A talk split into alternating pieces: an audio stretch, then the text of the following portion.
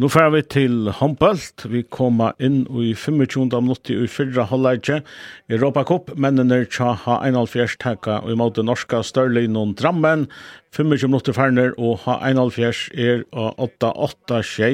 Ha 1,5 vær 8-5-1. Og her er Sjurur, Hildarsson Høydal og Andreas Eriksen. Spør mot 6. Og i hoksa etter mot 6 er et vått til tempostyring. Ja, och Per som vi jo tåsa om Johanne så jag hade han drack att och han drack så chans å få at att toja då skje mot sex. Ja, det enda vi har Roa Shiva och Jim Jackson och Rashad Hive igen och där skorar. Oj, och Mavren blir nästan koppar på Jakobsen då skorar. Gång kött på vi Roa Shiva och gott kött brott av vänster med igen. Och så för att ha kött om in och skorar vänster vänster 5 och 30 för Olaje. Nuch 8 till Heinan Fjärs och så halvt det fram till att resten av distan är FM 1 vi Jakob så tid som hitja. Skulle vänja till kvia tempo i vera sitt högt ifrån sökten. Vi vana inte att ta ordet kvart på nekta att ganska göra sinna en utvarsfra sökt. Samson som tid hitja. Tid är för makt. Vi vana bara att ta gång så här med skälden.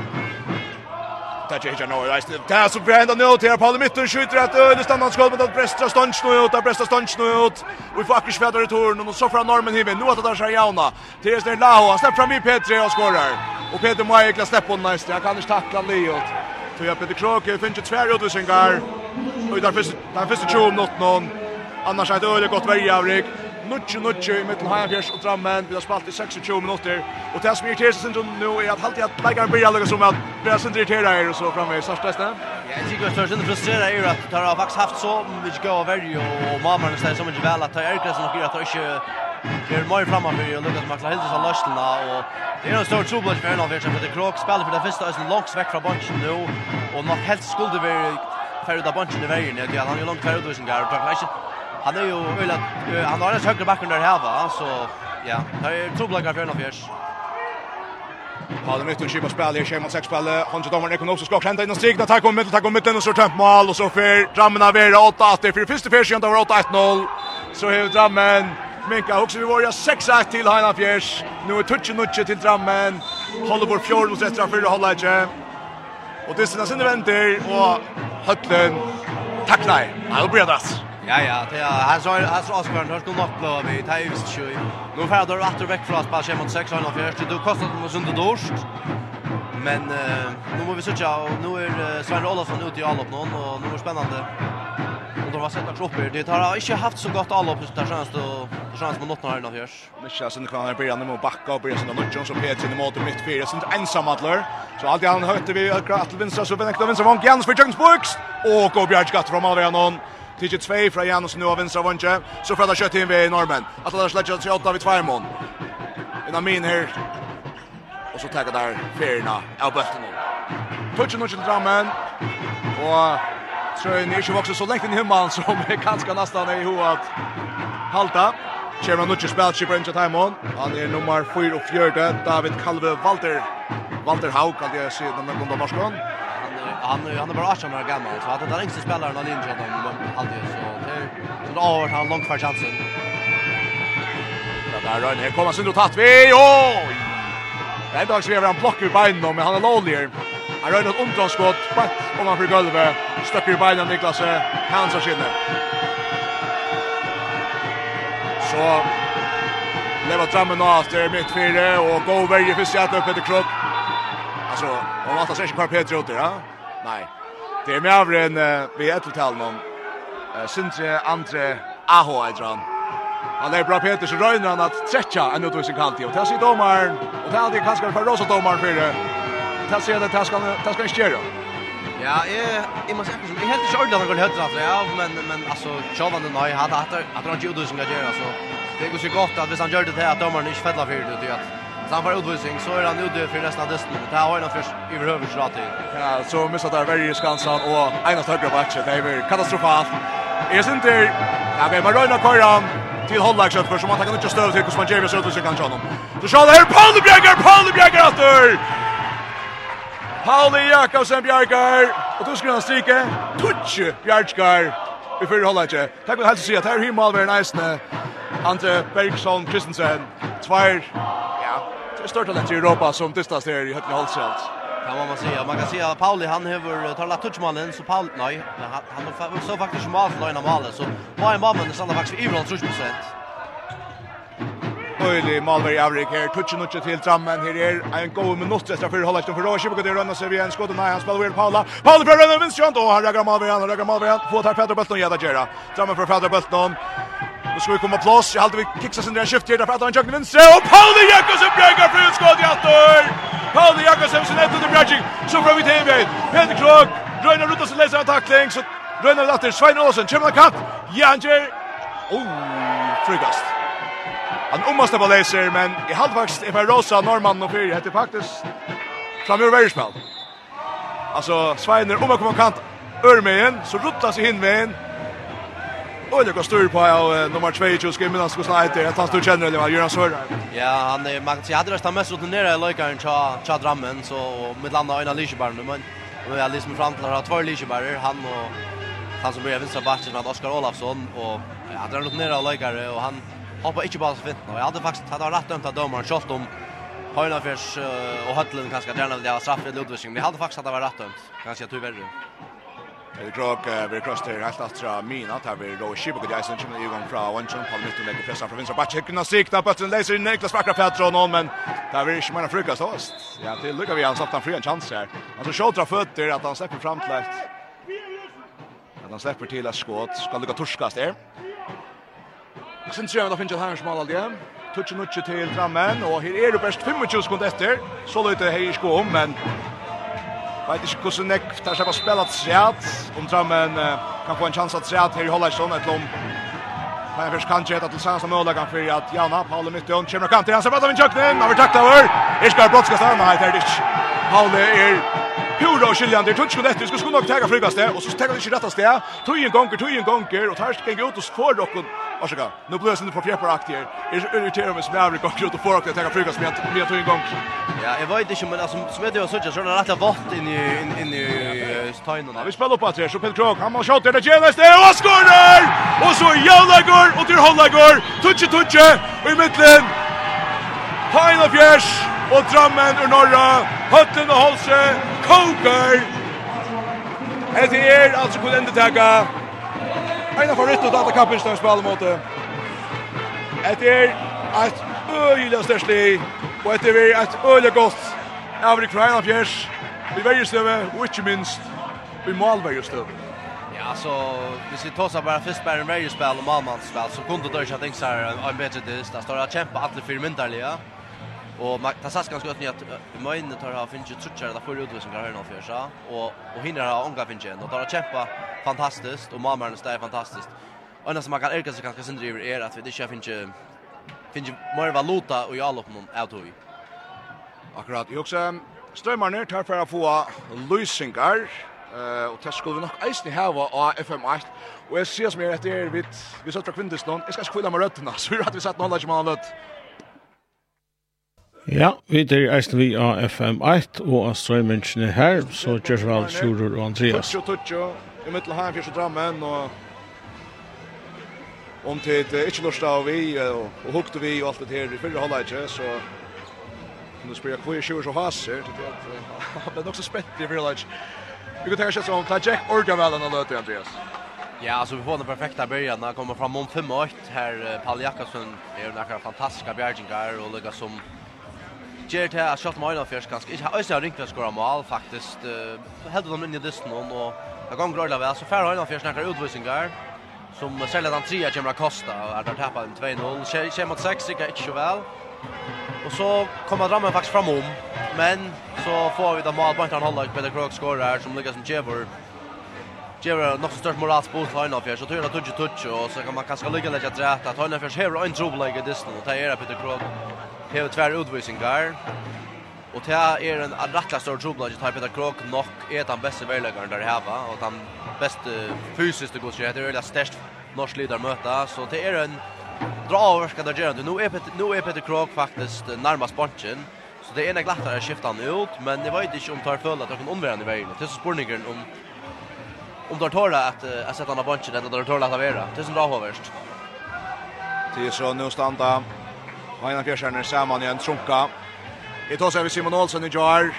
Jeg samler at de kunne lese och og annars alla atla samleren og atråk.f og han sier til hver drøymere är att det skulle vara åpen da man kom till Norra. Det skulle vara åpen da man kom till Norra. Jag måste si att uh, fyrhållet er grøt for en borger tydelig jeg. Ja, ja, det är jävlar och det kan man ikke blømmer åpen akkurat det, så kan man säga. men, men nu är andra håller grøyla viktig, det är att... uh, Det kan vara kött för större chans efter Arne fjärs att det tre kommer ut i en högt tempo och lugga som uh, sätta tinge på plats i Örnhållage. Så i vanande så rända då lugga väl har i med som gör det första och ja, där har varit så jag kunde sätta för Chimrenta. Arne Alfjärs börjar alla på Paul Jakobsen i mål av vänstra Vanji Jamstam Churos av vänstra Batche, halv mitt under eller så när Shiva går i högra Batche Peter Krog. I den strikna Niklas Hansson och högra Bonje Peter Thompson. Peter Krog fra skjøta første skåte her i Hollandstunden, og så sørger på den Peter renner heim, og i Myrvina til at han har han er brent av første skåte. Framvis, tutsi-tutsi til, ja, så tutsi-tutsi i midteldrammen og Heina Fjers. Øyla godt, øyla godt. Mal nu drammen, og så rett til tutsi drammen til nummer 9 tja Taimon August Pedersen, som vil hane. Nekra fyrir nær hoksje Hundra gott mål. Han kommer in och så pyntar alla skor. Ja, man måste säga att det är sin där change på Thompson. Han vill alltså sen ut och höllen och så här fint här och August Petersen häver en extrem affär som annars valde ju lite för stål Paul Jakobsson hej han totalt här som man vill ha han men ja, Gabriel han hur drammen tyvärr. Man skjuter ju all uppe skifta sig nu Peter ända över vinstra matchen så då Paul. Pauli måste ha köpt den att Romsut bättre och Och i tacklen så att så så hejda ettan så det är gott men det som grad så är det att det blir frikast till Heina Fjärs stövne ta bollen i kön fram. Och när jag kommer fram. Petra öppnar matchen åt Paula mittfältet så Roa så Roa vinstra matchen. Så Pauli att till Peter och Peter skjuter och sånt ut och sånt ut hade Jans för få bollen ja. Han ser blir stökne men han var vet där till Heina Fjärs. Ja, Janus Damjuros fänga bulten tant efter gackliga här och Orberg också. Han är vid hem och då spelar han komma där. Ett touch till Drammen, Heinrich Bjärs. Inte finns Jamal här i sätt med jam. Drammen värst 8-1-0 i fyra Hollager att han har och så. Får hem som om att vara framme för det värda 5-6-1 att han kanske. Peter Krog skott och tre rymmarskott, tre rymmarskott. Det står hållt tredje skott mitt fyra Johan skorar väl och så för att han rullar kött rammen. Nu ska vi tackla där. Där kommer mitt fyra. Niklas Fär händer och skott skjuter och vi tacklar så vi tacklar så. Frukas till Frykas Frukas till rammen. Pauli fick ett hött. Pauli fick ett hött. Och här är Näka Vies nu Pauli. Han har också Petter och Jakob här. Eh om man blir eja. Bra bra större som att det Ja, ta minst den nämligen. Det var Det var som det var Hökan till Max Müller som ända i pannen av honom. Blåer flöjta gå utom, men han inte vant det typ Petter. Men här, har Megan snäga Petter och högsta packen han rakt det typ hans regel. Han är okej, ser det till. Typ Petter. Ettli, ettli i mittlen, Heina Fjers og Drammen vid spalt i halvan trea minutt. Så kommer der neka nær vi veien, så kommer vi få henten av Atars Fjallar Kjøtt og Frøkla Batchel. Paul Jekkes enda opp Jekka, og vi får bølten. Heina Fjers for bølten. Heina Fjers for bølten. Och här såg jag vi går så tuddning med det man som varje spelare för han hand alla lagaren. Peter Krok kommer fram här. Vi såg han spelar så inte vi vi halvar kraft Peter Krok. Han för den nöten här. Gör en tackling och tar Joe Paula bättre sönder till att täcka. Ja. Öla öla gott. Paula mitt och skiftar bollen till Peter kommer Peter högra backen, Amin här Rowe. Rowe.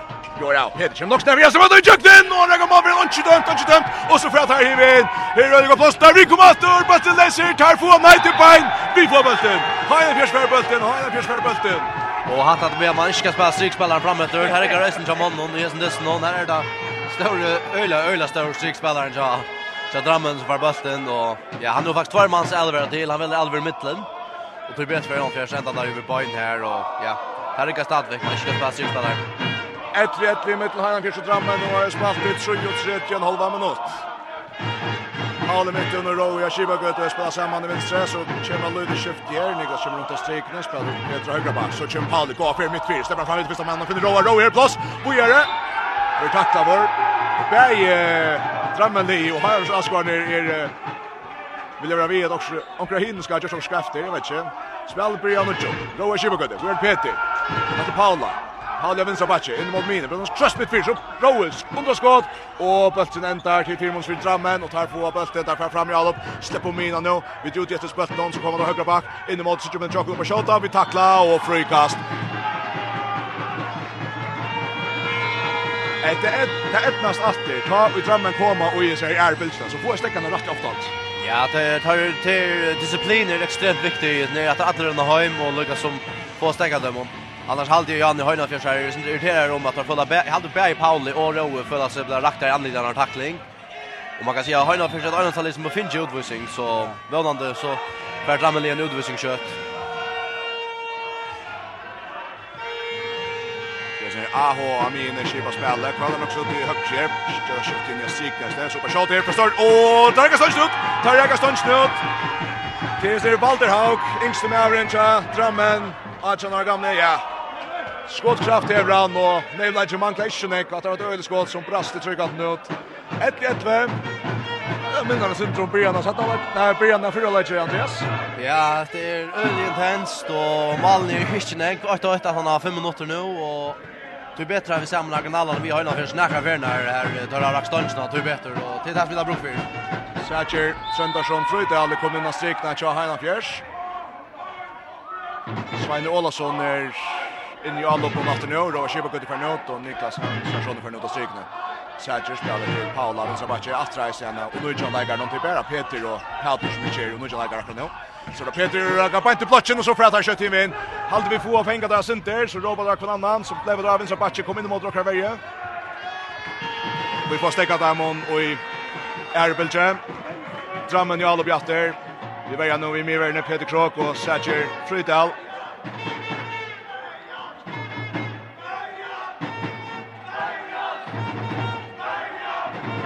spelar där samman ner. nu. Aha, mitt fyra. Sitt fyrna ut mot högra matchen. Och så vinner jag bulten ner. Peder Krogberg rullar väl. Tarts fejda bulten bort. Och tar mer utvisning till där. Där Tar mer utvisning till Tarra. Fajan Fjörsberg bulten. Fajan Fjörsberg bulten. Och Drammen. Färn utvisning. Dagsens första till Drammen. Och jag vet inte ska som i Sverige. Andreas Osta. Ja, alltså först är det som ballar som gör skrytt. Sen vill jag bara bulten bort ner och så kör man till Lutla bult. Det hade faktiskt inte en gång att det var vilja, men att det är bara på att börja rätt. Alltså han ska lägga på lägga bulten och alla ska renna samtidigt så och så kör man kör bulten till alla som hoppa väck från här som här som där är. Så det är bara rätt. Nu har alltid han jag haxa man av bulten till Paulsson och Paulsson och Gary kommer in och strykna. Det är snäckt rätt för han kanske inte. Mer vänster när det rest. Palle mitten och tar pengabulten. Här har Lise Puros gått att ta sig till. Så det är mot en med Paula. Og Pauli Jakobsen bjerger! Og vi tveit og gleder beste der han atter. Å nei, Peter, nei, Peter, nei, Peter, nå bruker han ut. Han tar det.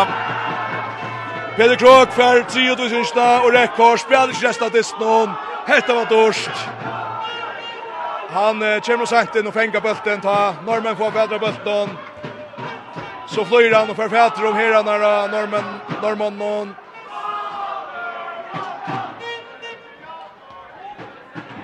Hetta var chift. Ja, det är ju en filer som uh, Bush är det extremt dyr här. Paolo blackar väck i alla där. Öliga oappe. utvisningen är rött. Tyvärr. Brottskast till Norman. Där taggar er mot Paul Andersen. Paul Björger! Paul Björger! Och så har vi tåren se att det här går ju. Det går rakt och slatt av bak. Detta där brukfyren. Det var en tyckesmajter. Peter Krok kommer inte av ett natt hända distin. Och är framvis 24, 23 gott det här med något rätt att spela. Nu är det upp till hinnar. Och Paul Jakobsen. Frans stiga till där. Första bjärtskar. Oj, oj, oj. Första bjärtskar Paul Jakobsen. Ett ett i mittel Harnströmmen. Bulten vill läsa. Vi får bulten. Heppe Pell tar sig och skorar. 12 meter till Heinolf Bjärs. 12 meter till Heinolf Bjärs. Deilig i utvisning nu. Vi drar ölhämtning här. Bulten vill rasta tvärt i borster, men han Sillar tvärs av ötlen till han frian Thomsen. Halv meter till Heina Fjär, 6 minuter, 6 minuter, 20 sekunder per nästan någon. Ja, så sett med hålla i snån. Och vi får få bulten efter, där bränna, där bränner Tönkboll! Vi kastar inte, vi kastar inte!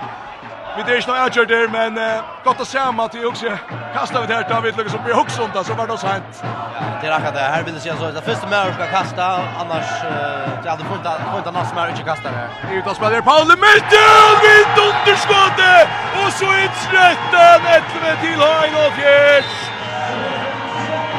13 till Hein och Fjärs. Drammen Fyrst sprenner der, og så brenner der om atter, han stansta, og så revsa vi igjen, hoppet skott fra palla mitt, och 13-11 til Heina Fjers, 8 minutter færre enn sett med holdet ikke. Leva dra høyre bakke, kom godt skott, tvers som øtler vi fenga, men den til krekna maltaje, og her er frukast til Drammen. Han spiller fram i sivtalsspill. där der på skott her, Pauli Jakobsen, enda vi bølten hon, ta verja tjokkon, det purast av hans og skyttan. Og 15, Bjergskart, Palle Jakobsen. 13 etter til Heino Fjers.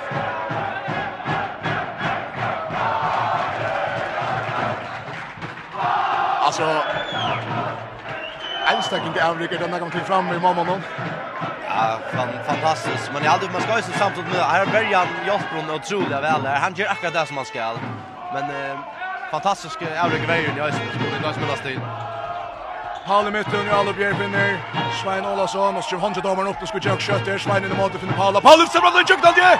Tryggast, ja, tryggast. Eh, håndkjøtt dommeren er oppe, er Ivesens øykosnekker etter, ikke så nekk etter, Sætjer spalt Svein, så Paul i midtfire, Spelar han han vid Roa. Roa in mot Paula. Paula ska skjuta! Bulten går in! Han stussar bulten i målet. Paula mitt under första nätet. Första nätet till Ögers. Därför kött hivin. Så mitt vidare. Så åt högre. Och så bulten läser. Där på Petron. Tar på Petron Tar på Petron hon. Första nätet till Heinolfjärs. Nutchen håller mot färren. Och Drammen skiftar ut att dörr. Där kör ratten och onka. Walter Hagen att dörr. Paula mitt under och Paul Jakobsen. Paul Hjelm och Paul Jott. Tar Kajra akra nu. Och Verjan. Stant och fyra. Upp och hänga. Så spelar Kjota. Oj, ett dunderskott. Fröst Archena gamla drammelägaren. David Kalve Walter Haug. Släpper upp mitt fyra. Och ja, ett rymmar. Ja, jag ska lycka lova för han fick straffa målhotten här. Och hade kanske ställt som ska till. För så ska fram med Paul Jakobsen där. Så ja, eller gott skott i Annars Ja, annars ligger kom att i halde alltså en en en fast vänsterback att Herman Herman Vildalen inte vidare. Jag tycker att det är så Archan och Archan har gamla kanske fashion mer spel till en player. Fjärstan tal till Heinan Fjärs drammen i Minko Molen just nu. Så det bara Rover bra vi ska. Vi tacklar. Vi tacklar. Ja, vi tacklar här. Så är det Høyvsjön Grater, Paul Paolo Mytton mitt fyrre. Och det vinner Rowe, Rowe. Steppar upp mot och om man missar bulten Sveine från åter. Kan man nu in i mål i vägen och för en frikast. Det är alltid alltså en sån här det är alltid en sån här normal att säga att just går spela gas. Ja, nu hooks ju bara. Det som inte den Rolls för här så ser hon väl han ju skospel och hade han samma spelare nu nu bli att det blir väl jag skospel första halvlek så Jag också visst att som dömer ju fram till här så är det väl utvisning till att hvis han ikke skospel så är det alltså så är det alltså alls för så ja Har för Shalom Paul mitt i norr skjuter upp Malberg vi står Björking Malberg står Björking. Han är kosmon och mål åt nu men go Björking från Malberg han tar imon. Så för att här är alla batter. Släpp in mot här. Vi har hänt att han får tackla där och är frukast fram men och ett frånligt varje står att från Heinald Fjärs.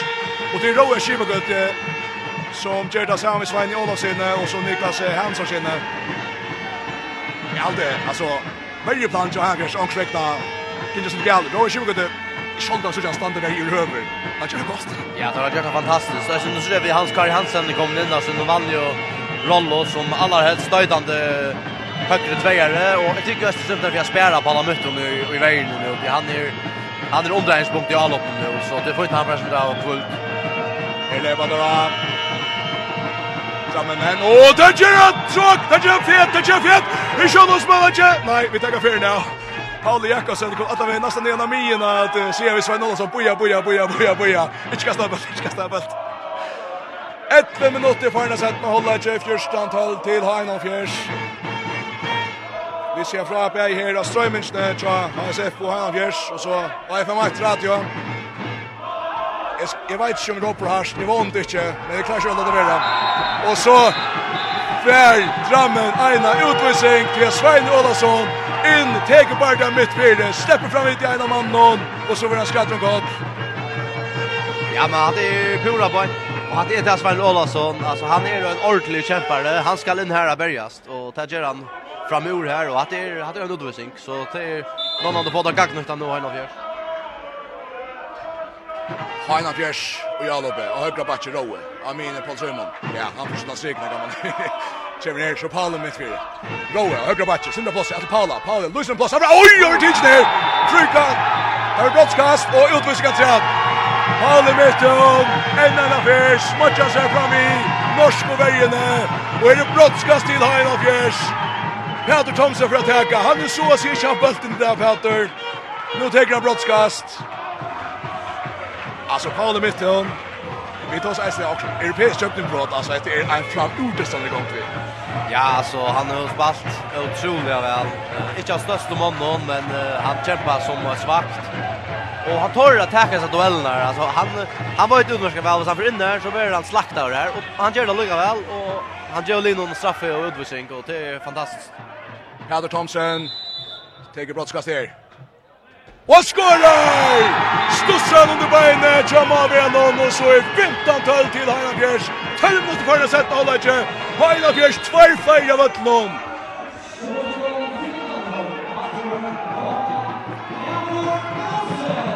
Jag njöd av dem ändå värre. Pleja se att ha sort händer, ta förskli och landslig gärna sort. Hetta vær lunch. Ta blir vi og til gost. Vi blir við annan dag. Saman at Jalobe. Etter han skjøtta mitt fyrre. Hötta där sönder. Vi flyttar på väl här för distans. Nu kommer han spark. Här hämta mannen. Får han drömma till. Så är där. Åh, oh, tar sig fram i öppningen. Åh, oh, halvt träff ner. Eh. Tar tar får frukast och i halvt jag vet inte häppen. Ja, jag vill säga att uh, Sven Olausson han han uh, Ja, han har tagit på en utvisning här hade vi kunnat samt rum men det hjälper nog kanske det att Niklas Niklas ständer bara inte vi och Niklas åtta som där. Och det är 6 mot 5 nu och det är öla viktigt att han backar upp alla den här som böster ner så det är Sker av bort.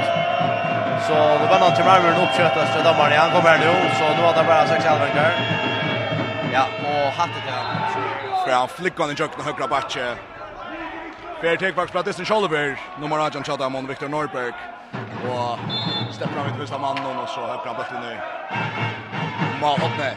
13 15 minka drammen till Hagen fram i 8 15 13. Hagen Björk Firefly i Alove. Pauli Rose plats undan minna, sin vinstra sina miner Pauli mitt fyra. Så vi är oss Niklas Strand fresh han fresh pass. Så ska också komma Roe, ut av Vanchen, Janos, Fuxjaknen. Oj, jag raktar så bant i hejsen Malveran. Jag raktar Malveran så bant i hejs. Oj, oj, oj, oj, och harstast. Janus vi på med smalare någon. Oj, Jesus, ja. Det som är Tarsson och ytterligare drama men till att att det är harskott för Janus och räkar så på i hästen. det är alltså Björn som avgör. Han tar press på bulten. Och Janus är väl shot driver sig om skylta, får jag säga. Tarsson och Tarsson ytterligare så rör skumpa bort, va? Vi hade stöna, ja, vi hade smalare är rymliga och jag ska lyckas checkas. Andreas, vad sa stöna? Ja, det som du säger, han lever in, mamma läser han och han knallar bulten. Det går vi ska ta som hela shot. Jag hade jag rätt mitt i anledning, inte uppe på pannorna eller tinningarna. Så jag mest jag och bättre ja, om nös med munnen. Ja, han ska lägga såna så hade jag. Och jag hade alltså han drar ju som skylta och hinner blir irriterad och ska på vecka. Det blir man först? Ja, vi hade chatta upp och runt snägga på oss. Jag stod helt så det var härligt. Nej, nej, då ska bara lägga veck och han drar bara som skylta och ja. Så är Oskar som som sjövande Så säger Skaftan annars, han svarvat bulten. Vi vet då bara funnit returen. Ja, ja, där ja, vi fingrar returen och till nu måste vi alltså skora. Det är 6 mot 4. Ja. Roa Shiva gott till Palla mitt och mitt fyra. När vi har så Sveiner och tar högra vang Peter Thomson i kökten. Och Malvern Bjärgar, Malvern Bjärgar, Malvern Bjärgar. Det är så mycket Mavern Chatamon. Han heter Sander Dranki Heiren. Det kom den. Det gick inte väl Jakob, men vänk.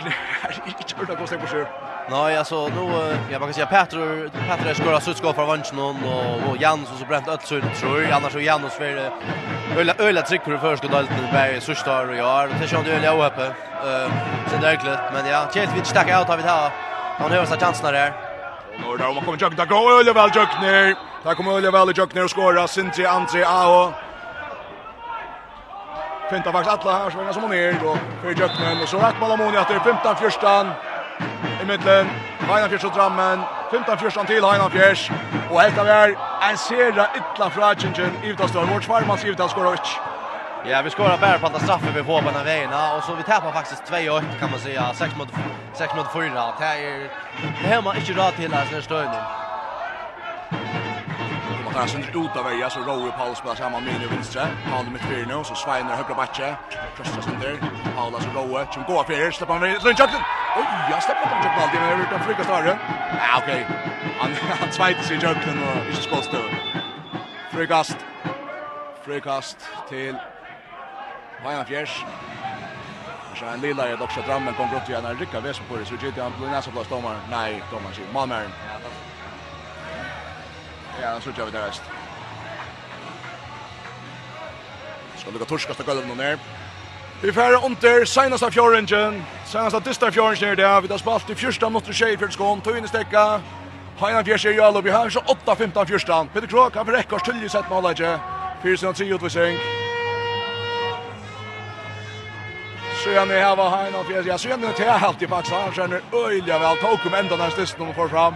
Och så ska en uh, norsk läkare ut. Han fick blå trötsna. Där ser han det väl onökt vi och ta. Ja. Ja, nu måste vi ha förtatt på andra mannen ganska. Men att det är en regel som säger att uh, Tor slår här blåa när trötsna. Och ja, så där fick jag. Där fick jag bara Han sa han var rätt irriterad men men att det är så. Ja, han fjärs.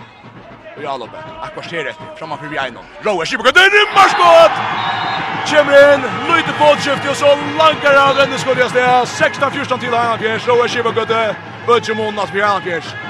Just kors her etter nå, ja, vi er Robocop-testen, i midtlen, Einar Fjers, og Drammen ur Norra.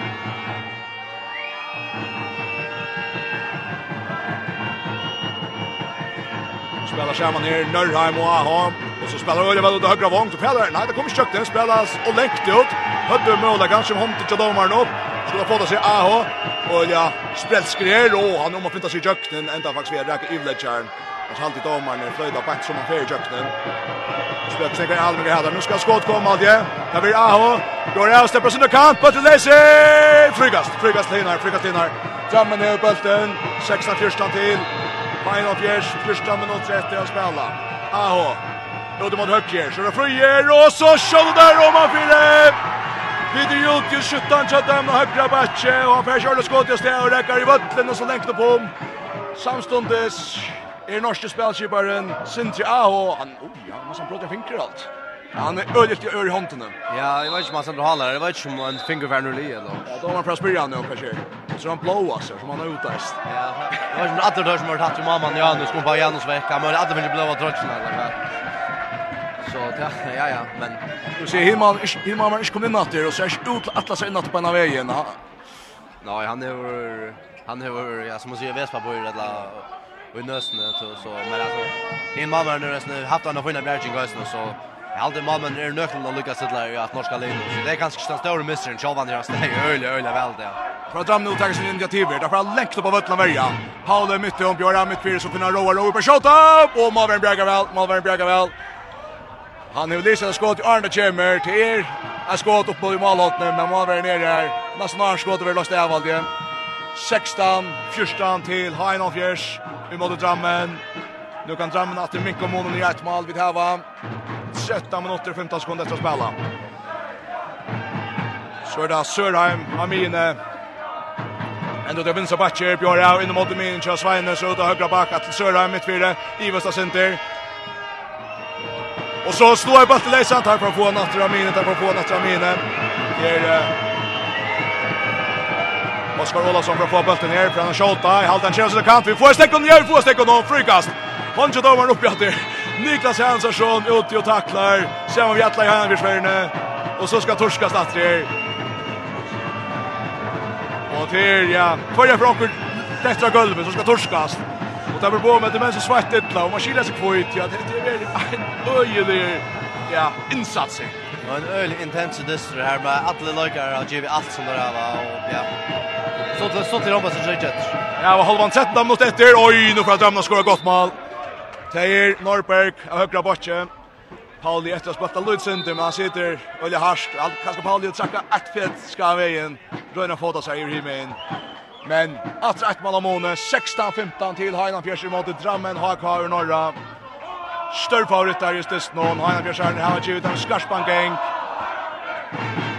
Peter Krog, Ritchevi, Vi rekker så de satt nå lenge. Nå vil Pauli mitt, midten, og Storsmansen, Sætjer! Sætjer Frydal skårer! Atja, sexta till avgörs och skåra Fryr Hivén och skåra! Så skåra Fryr Hivén och skåra! Seja sexta när ska med. Sier 18 va? Seja 15 och så Seja 16. För ett mål ska vi in i Anne. Seja 16 till Hanna Fjärs. Först Hanna Fjärs som ökar upp i Seja 15 av strikne. Och Tsulja spelar alltid Paulus som spelar där. En stöd som nästan är pura li och så slätter han att romse till Seja och strikne.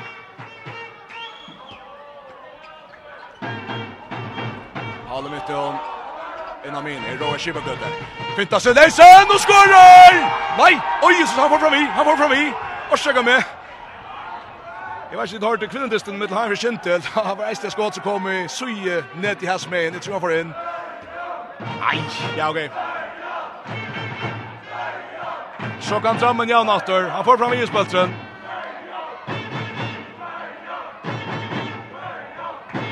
Han får fram i Isbøltren. Drammen i Bjatter. Mitt fyra. Sørheim. Åh, vi får bulten, vi får bulten! Här röjnar Klosta bulten och strikna, men vi tveita kroppar och här fyra. Och bulten stöcker i Malta här på kan sanna Kassanano. Alltså det är så... Nej. Jag har alltid att det är ett härsligt som... Det tvajta sig fyra att snabba kommer till... Alltså det är det är man ser man tvär sig för kvar bulten.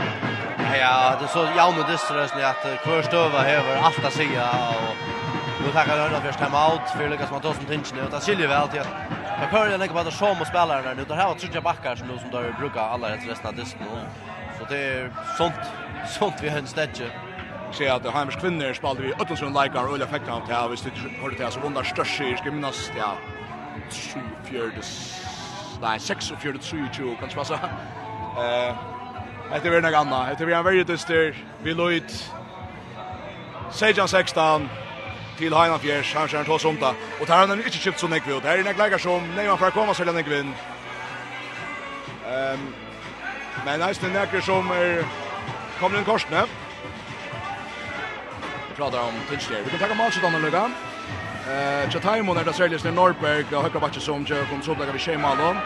Så har er Peter Krok, fikk seg fyra malaren, han fikk sin utvisning. Palle Mitten kom på fem mal. Svein Olsson 8, Peter Thomsen 2, Sergio Frøydal 8, Niklas Hansson 2 og Roe Ashiva Gøde 2. Roe, eller sen Ashiva Gøde fikk altså, nei, jeg skal med. meg. gang, Peter Krog, fikk altså rekord til jeg, i med holdet ikke.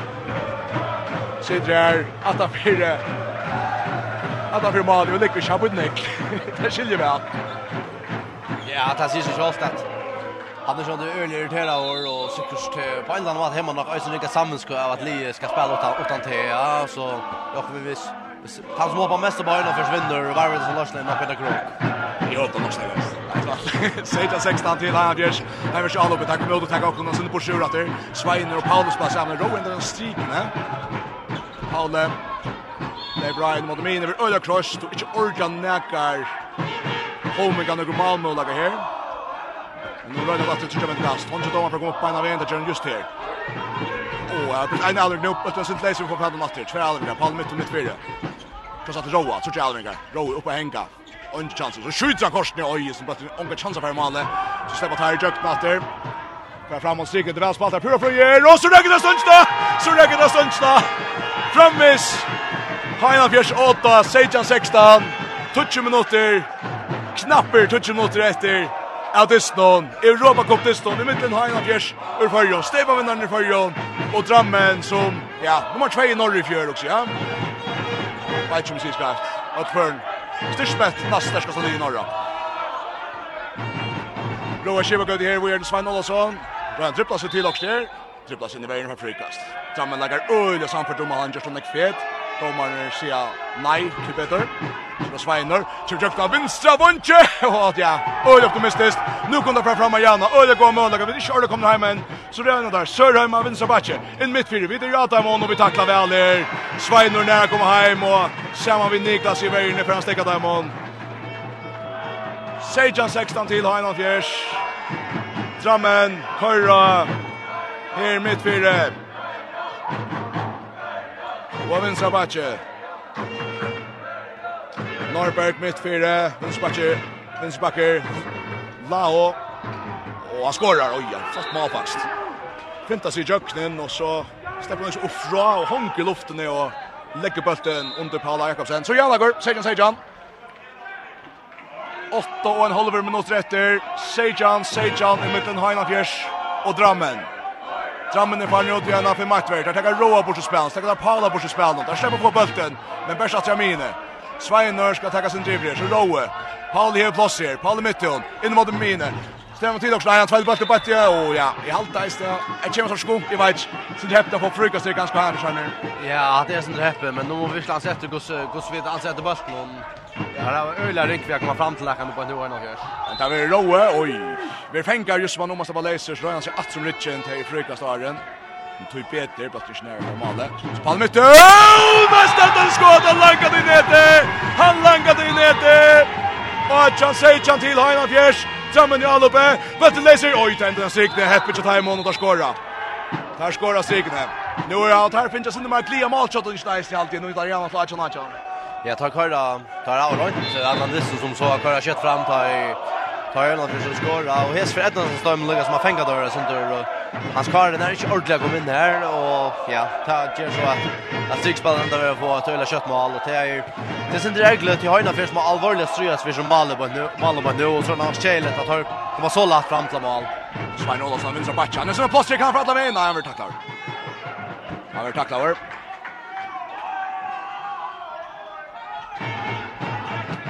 Björk spelar samman i högra backen. Paul i mitten. Björk Björjau. Om man missar bötten. vet han till Roa. Så Paul. Oj, så vart det en tråkig där Paula. Här vet han kommer in där så liksom stöttar där kroppen för det. Så Fredda kör till Nu ska drammen sig 28. Fredda ger till. Då är högra backen. Paul Björk här på bollen Och så Fredda Jökten och skora. Och skora. Nu är det inte drammen så var drammen 8 Till längst senast. Men Hajna Björnsjörner. Här har fått oss här för just någon. Så där kom något rum. Men det blir så tjockt trumpelt ut nu och tungt. Och sen tungt ganska. Allvarligt. Jag har en för här. Jag nu kör jag har en för John Gordon som kanske är han ena sig av backspelaren som är extra linjen som är kanske där man kan kalla för en regulär skytte. Paul mitt här och kan man nu skora några öliga längskott men han är ju körd att han kan kalla och en skytte. Så ja, tar han vad tror i alla man man säger. Svein Olsson tora shot up, Bruden Jökten ska gärna komma kant. Ett som akkurat inte här helt men han kör rätt, han tar näka meter mot Mine. Så vi tror ju med gast. Så Sveinor, Paule, hitcha kan man ju en out Svein har satt av en Jökten frigast. Frigast för spalt i muskeln här och Ungo Hanan Björn Sveinar. In och svajta sig mittles här över och normen där. Oj så kickar det ja vi får bara att det men det ska ändå alla borda kött. Paulus sätter fyra från och så har hon innanför det där just en felskinning. Ja. Hon är ändå en felskinning här. kör den mest. Jag hoppar ner till basten. Så där bara att Sörheim mitt fyra något att det sköt upp i två mål av månen. För detta stämmer. Sörheim tar fyra bollen. Ta finns väntan och drammen. Ja, och man kan säga att du är bättre för Hörnalfer så ser ut att Torre vill attacka hemma out, men han har nog samman med att har missat att hemma out och består stärka där nu innan för 25 sekunder, men men gott för Hörnalfer att att ta tacka hemma out vart. Hörnalfer hur god chans bruk eller att man tar sig samman. Vi narskast, senast och löten hon här, ser goal 5 minuter efter, känner Andreas. Jo, goal 5 minuter efter, som Andreas säger att har tagit hemma out nu. Tar har tidsen till där faktiskt man ut i nästan man så av Paula Mytte och det är skakna där. Ja, det är oerhört spel till Heinolf först kan man säga och tar och lägger kanske sönder upp till att det är han han högre backen som är högre händer som ska komma vid den pressen och som vet man kanske hugga till första distan så gör det kunde ju omvänt med att det det hinner bara backen där så som kommer vid den pressen så kan han högre händer högre backen komma åtta så och spela vidare på pressen och här har Heinolf först men så kan man säga tvingar till att till att spela Örvis igen här och ja, det är man måste bara säga att han strujas ju alla här va och ja, han strujas.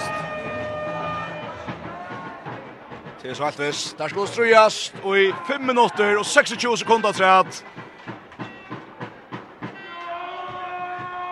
Drammen är all uppe, Drammen att jag Vi vet inte om det här pratar om 6 mot 6, men det skulle nästan också då. Ja, har en fjärs. Ja. Ja, det kunde det kunde vara möjligt. Problemet är bara kanske att det kostar dem också torsk och i första halvlek men men det kunde aldrig vara möjligt rent efter ja. Framlat att säga lägger sig åtta vi två mål ner Svein och fänga mannen och skora korsne. Han skora korsne sluts läsa han vill öle goals ner Sinti Andri Aho här in i sätta halvlek. Men så är Chua John Drammen. Jag minns inte när sen Drammen var åtta i två mål. Ja, det hade så Sverige just nu allt. Så ja, det visst för. Hajemskjern skulle nu min kommunen. Ivesta center, så sedan kända mannen. Här kommer Rowe. Så då vänster back, så tillbaka där. Och det är nog där nöjas. Nu kör Paul i bulten, så får Rowe bulten högra backe. Paul i mitt fyra, in i mål så kommer inte Timon. Svein ut av vänster vång, kan tycker inte av Janos. Kan han köra det aldrig. Sveinor lägger pressen mot in och sin nej, det får fjärde bulten. Så Moe stäcker Timon i halvdest ettan Stockholm. Malveren, Chimrin Jokon, men oj oj oj oj oj. Väl jag ska skava loss där. Ja, det det är ju det är som det säger att ta ta på vatten. Ja, men jag hade som tanke var ganska gå nog. Det var ganska plats att han vi är, men men väl lägger han fick lyckas locka han att spela och han spelar ju nog längt på man och ja. Så var det. Att ja, att det är äckligt. Tjoa John till Drummond tar ju alla bjattra med chock från Kotlebergen att lägga domaren runt Joy så händer också Nevin så vann så vi ordas så tjå. Vad det Chimina Mina till Sörheim. Så ska torska så galen. Ska torska så galen. Fyra minuter. Ett att det Och nu är vi där, nu hade inte också sagt om en seger, nu är det mer där. Man ska framvis föda man här också spela för att man kommer till norra, så ta vill jag gärna ta vi en mål och försöka hitta en succé nu. Ja, man kan själva äga sig det som det nu är, men så man tar att han för två mål och så tror på att ska man och mål för själva så så vill jag säga ja, alltså ta på en mål det här kan vi få ett slut. Jag vill säga så är det ett flott slut. Drammen att så där det så att vi 3 mål nu fyra mot ett till stånd. Det var väl höga match. Att det spelar match en free jump och skorar eller väl. Att det är en stärska lägger Sindre Andre Aho skorar till 21 Ajan, 21 Ajan. Och Heina Fjärs. Jag crushed Heina Fjärs li. Vi all uppe. Tack inte mer än åt allt det ju. Allt det. Här har en Ajan Paulsen nu pratar vi bunchen så han kan tacka liksom mot dom allt det. Nu börjar där så kommer Rowe in allt det. Jag vet inte. Lukas Mitch, han försöker spela i nu. Paul i mitten, av vänstra backen, släpper in om, finner Svein. Vad vi nu då till Paul, han frättar vägen. Frikast. oj! Lutvising. Tja. Alltså, domaren dömer faktiskt straffe, men som om att hon enkrar, ja hon enkrar där ut och hon dömer straffe. Och nu, vi dömer? Jo, nu, jo, jo, nu dömde straffe, Luka va? Stemalt domaren, hon, hon förbantar pratar vi vattlardomaren och så säger hon, är det brottskast? Jag vet inte, han tvärsätter för en mittlen här, Paul, det är riktigt att tacka det i mittlen. Vi tackar för det. Jag hoppas att Thomsen kan avgräda brottskastet. Det här är otroliga karskomme. Vi har så troligt att skåra mål nu. 30 minuter, nu sekund efter. 21 Ajan Drammen, Peter Thomsen, teker brottskast. Ivesta sin så skorar han! Så skorar han! Tvei mål og Moni efter. Fajna Fjers. Fjers sett, bulten i mål i etter, 21 nøyja, 30 minutter etter. Vi tar troblaga Kjærlia vi etve, nummer 11 til time og mitt fyrir, han og høyre batsja, han skipa spil i han, Sintri Andri Aho, til som han kan gjøre nok så nekva som håndbassvøtlen som Mono Lister, og trolig at Donald Lyra han vere, nå får han få bøtten her. Så får han steppe inn i instrumenten, så langt han til, og ja, just som Mono Lister, jeg vil jo å si, han gjør alt, at det er 22 nøytja, han som er terskra klar för. Ja, han har skorat tjej mål nu och i halten, han har skorat mer pass i Örnhållet. Han har skorat 5 eller 6 i Örnhållet och hur är det? Ja, man kan säga att han frälsande med Örnhållet Tøymer som Gjørsta Tøyra er framme för vi tre mål nu. Och nu är det lika som sista chans att Røyna först vill attacka timeout. Och nu måste vi söka kan det komma fram vid. 22 nøytja, 3 mål av Monika, 30 mot 1 eller så. Halvt det da. Ehm um, Ja, det går så samman till fakt. Det har han som är bi om time out och så ja. Och tar skulle prata. Det syns som bara bo i ja. Och det var spyrja då. Kvar kvar kvar att prata om vad skulle göra. Jag vet själv. Nej, jag vet inte ordentligt alltså om det var någon som kommer sagt man kan dra en tjej mot sex, men, men det är ju inte ordentligt. Det är ju inte Rickard som om, så jag vet, ja, jag vet faktiskt inte om, om Möller östner Då får vi det gert tid. Huxa nu om att det är en distor. Det är en distor norra så man kanske inte släpp fram här Och Ända vet här har vi 5-6 mål. Ganska rena att spela, ganska mera mera tryggt och lugna som spela länge gall och bistut här då. Vi är tvungna till kan man säga sälja alla andra håll. 22 Myjan till Drammen. Tar fram en studio så här för matchvärden som har haft ut i Orek och spelskivan Chokkom og eisen i okker høyre bak. Så går det en mann har trett fram av ut av Årega bakken her. Sveinur og Pauli spelar saman Minus og Pauli innan fra Vinsa Matches Skjuter og skorar! Pauli mitt jo langa skotast det Og minkar mål 22-20 Så slappar han Så slappar han imot i aftur Skorar Renner skot Sinne lumst Men Nick Frinchon. Ja, men hade jag sett att att kanske ska kanske att han tar så men att det väl inte så bra innan för att få på alla möten och man drar in då här han ja det går på Jacken Bråt och går på standardskott som vi så här. Och så väjer vi. Så väjer vi John Gord och Svein Olsson. John Gord Johansson och Svein Olsson börjar fyra ta AH att sätta köpt att. Håller vår annan mot ett, det är mot fjärde sekund efter. Drammen i alla på 8 vid 2 mån. Tar för Ivar Stavinan, det Spurning spår på Marcus Neck och tar vi att rymmarskott från AH. Han horar just här med Sindre Aho. Och så har han fjärs att att för Simon. Håller han om där så så läste jag kunde ha sagt att alla blir past så gärna varva och mot Simon i minsta läge. Det mesta läge ska ganska helt säga. Har han fjärs att för Simon har vi åtta lunches tills den nästa vid Simon och Oliver. Paul mitt hörn. Innan min här Schweiner så Paul jag vill så bara. Sakra in mot Sveinar. Paul Björn for alla vägen själva det är broadcast. Paule mitt och han blir bra vi och vi och vi och vi. Och så hade jag nästan han Det är Tisch ofta i handboll. Ja, jag hade sig kanske just om Gustman kan nog när det är stön och Men nämnde för det distan att han är han är inte benchen för att attacka så här att distan upp och Leiper som den Jackman och här kommer Vonker in från från Söjne och och Sean det här sänder fest någon sån där straffe och till alla viktigt att man som spelar torr att attacka ja kan man säga tar tar knopsen som har som har färd av sån där och ja vänner vid att Petro förskora så så månaden kommer ner två mål. Peter Thomsen vi brottskast mot Santer Heiren. Kommer Peter. Höfte fest. Och så skorar han. Så skorar han. Två mål av många åter. Tror ju Angel Drammen. Drammen här var hållt så sekund efter. Jag drar ju på tre mål och nu är det så där vi spelar. Vi vill göra ända vid fem mål om månaden. Tar vi ända vid tre mål.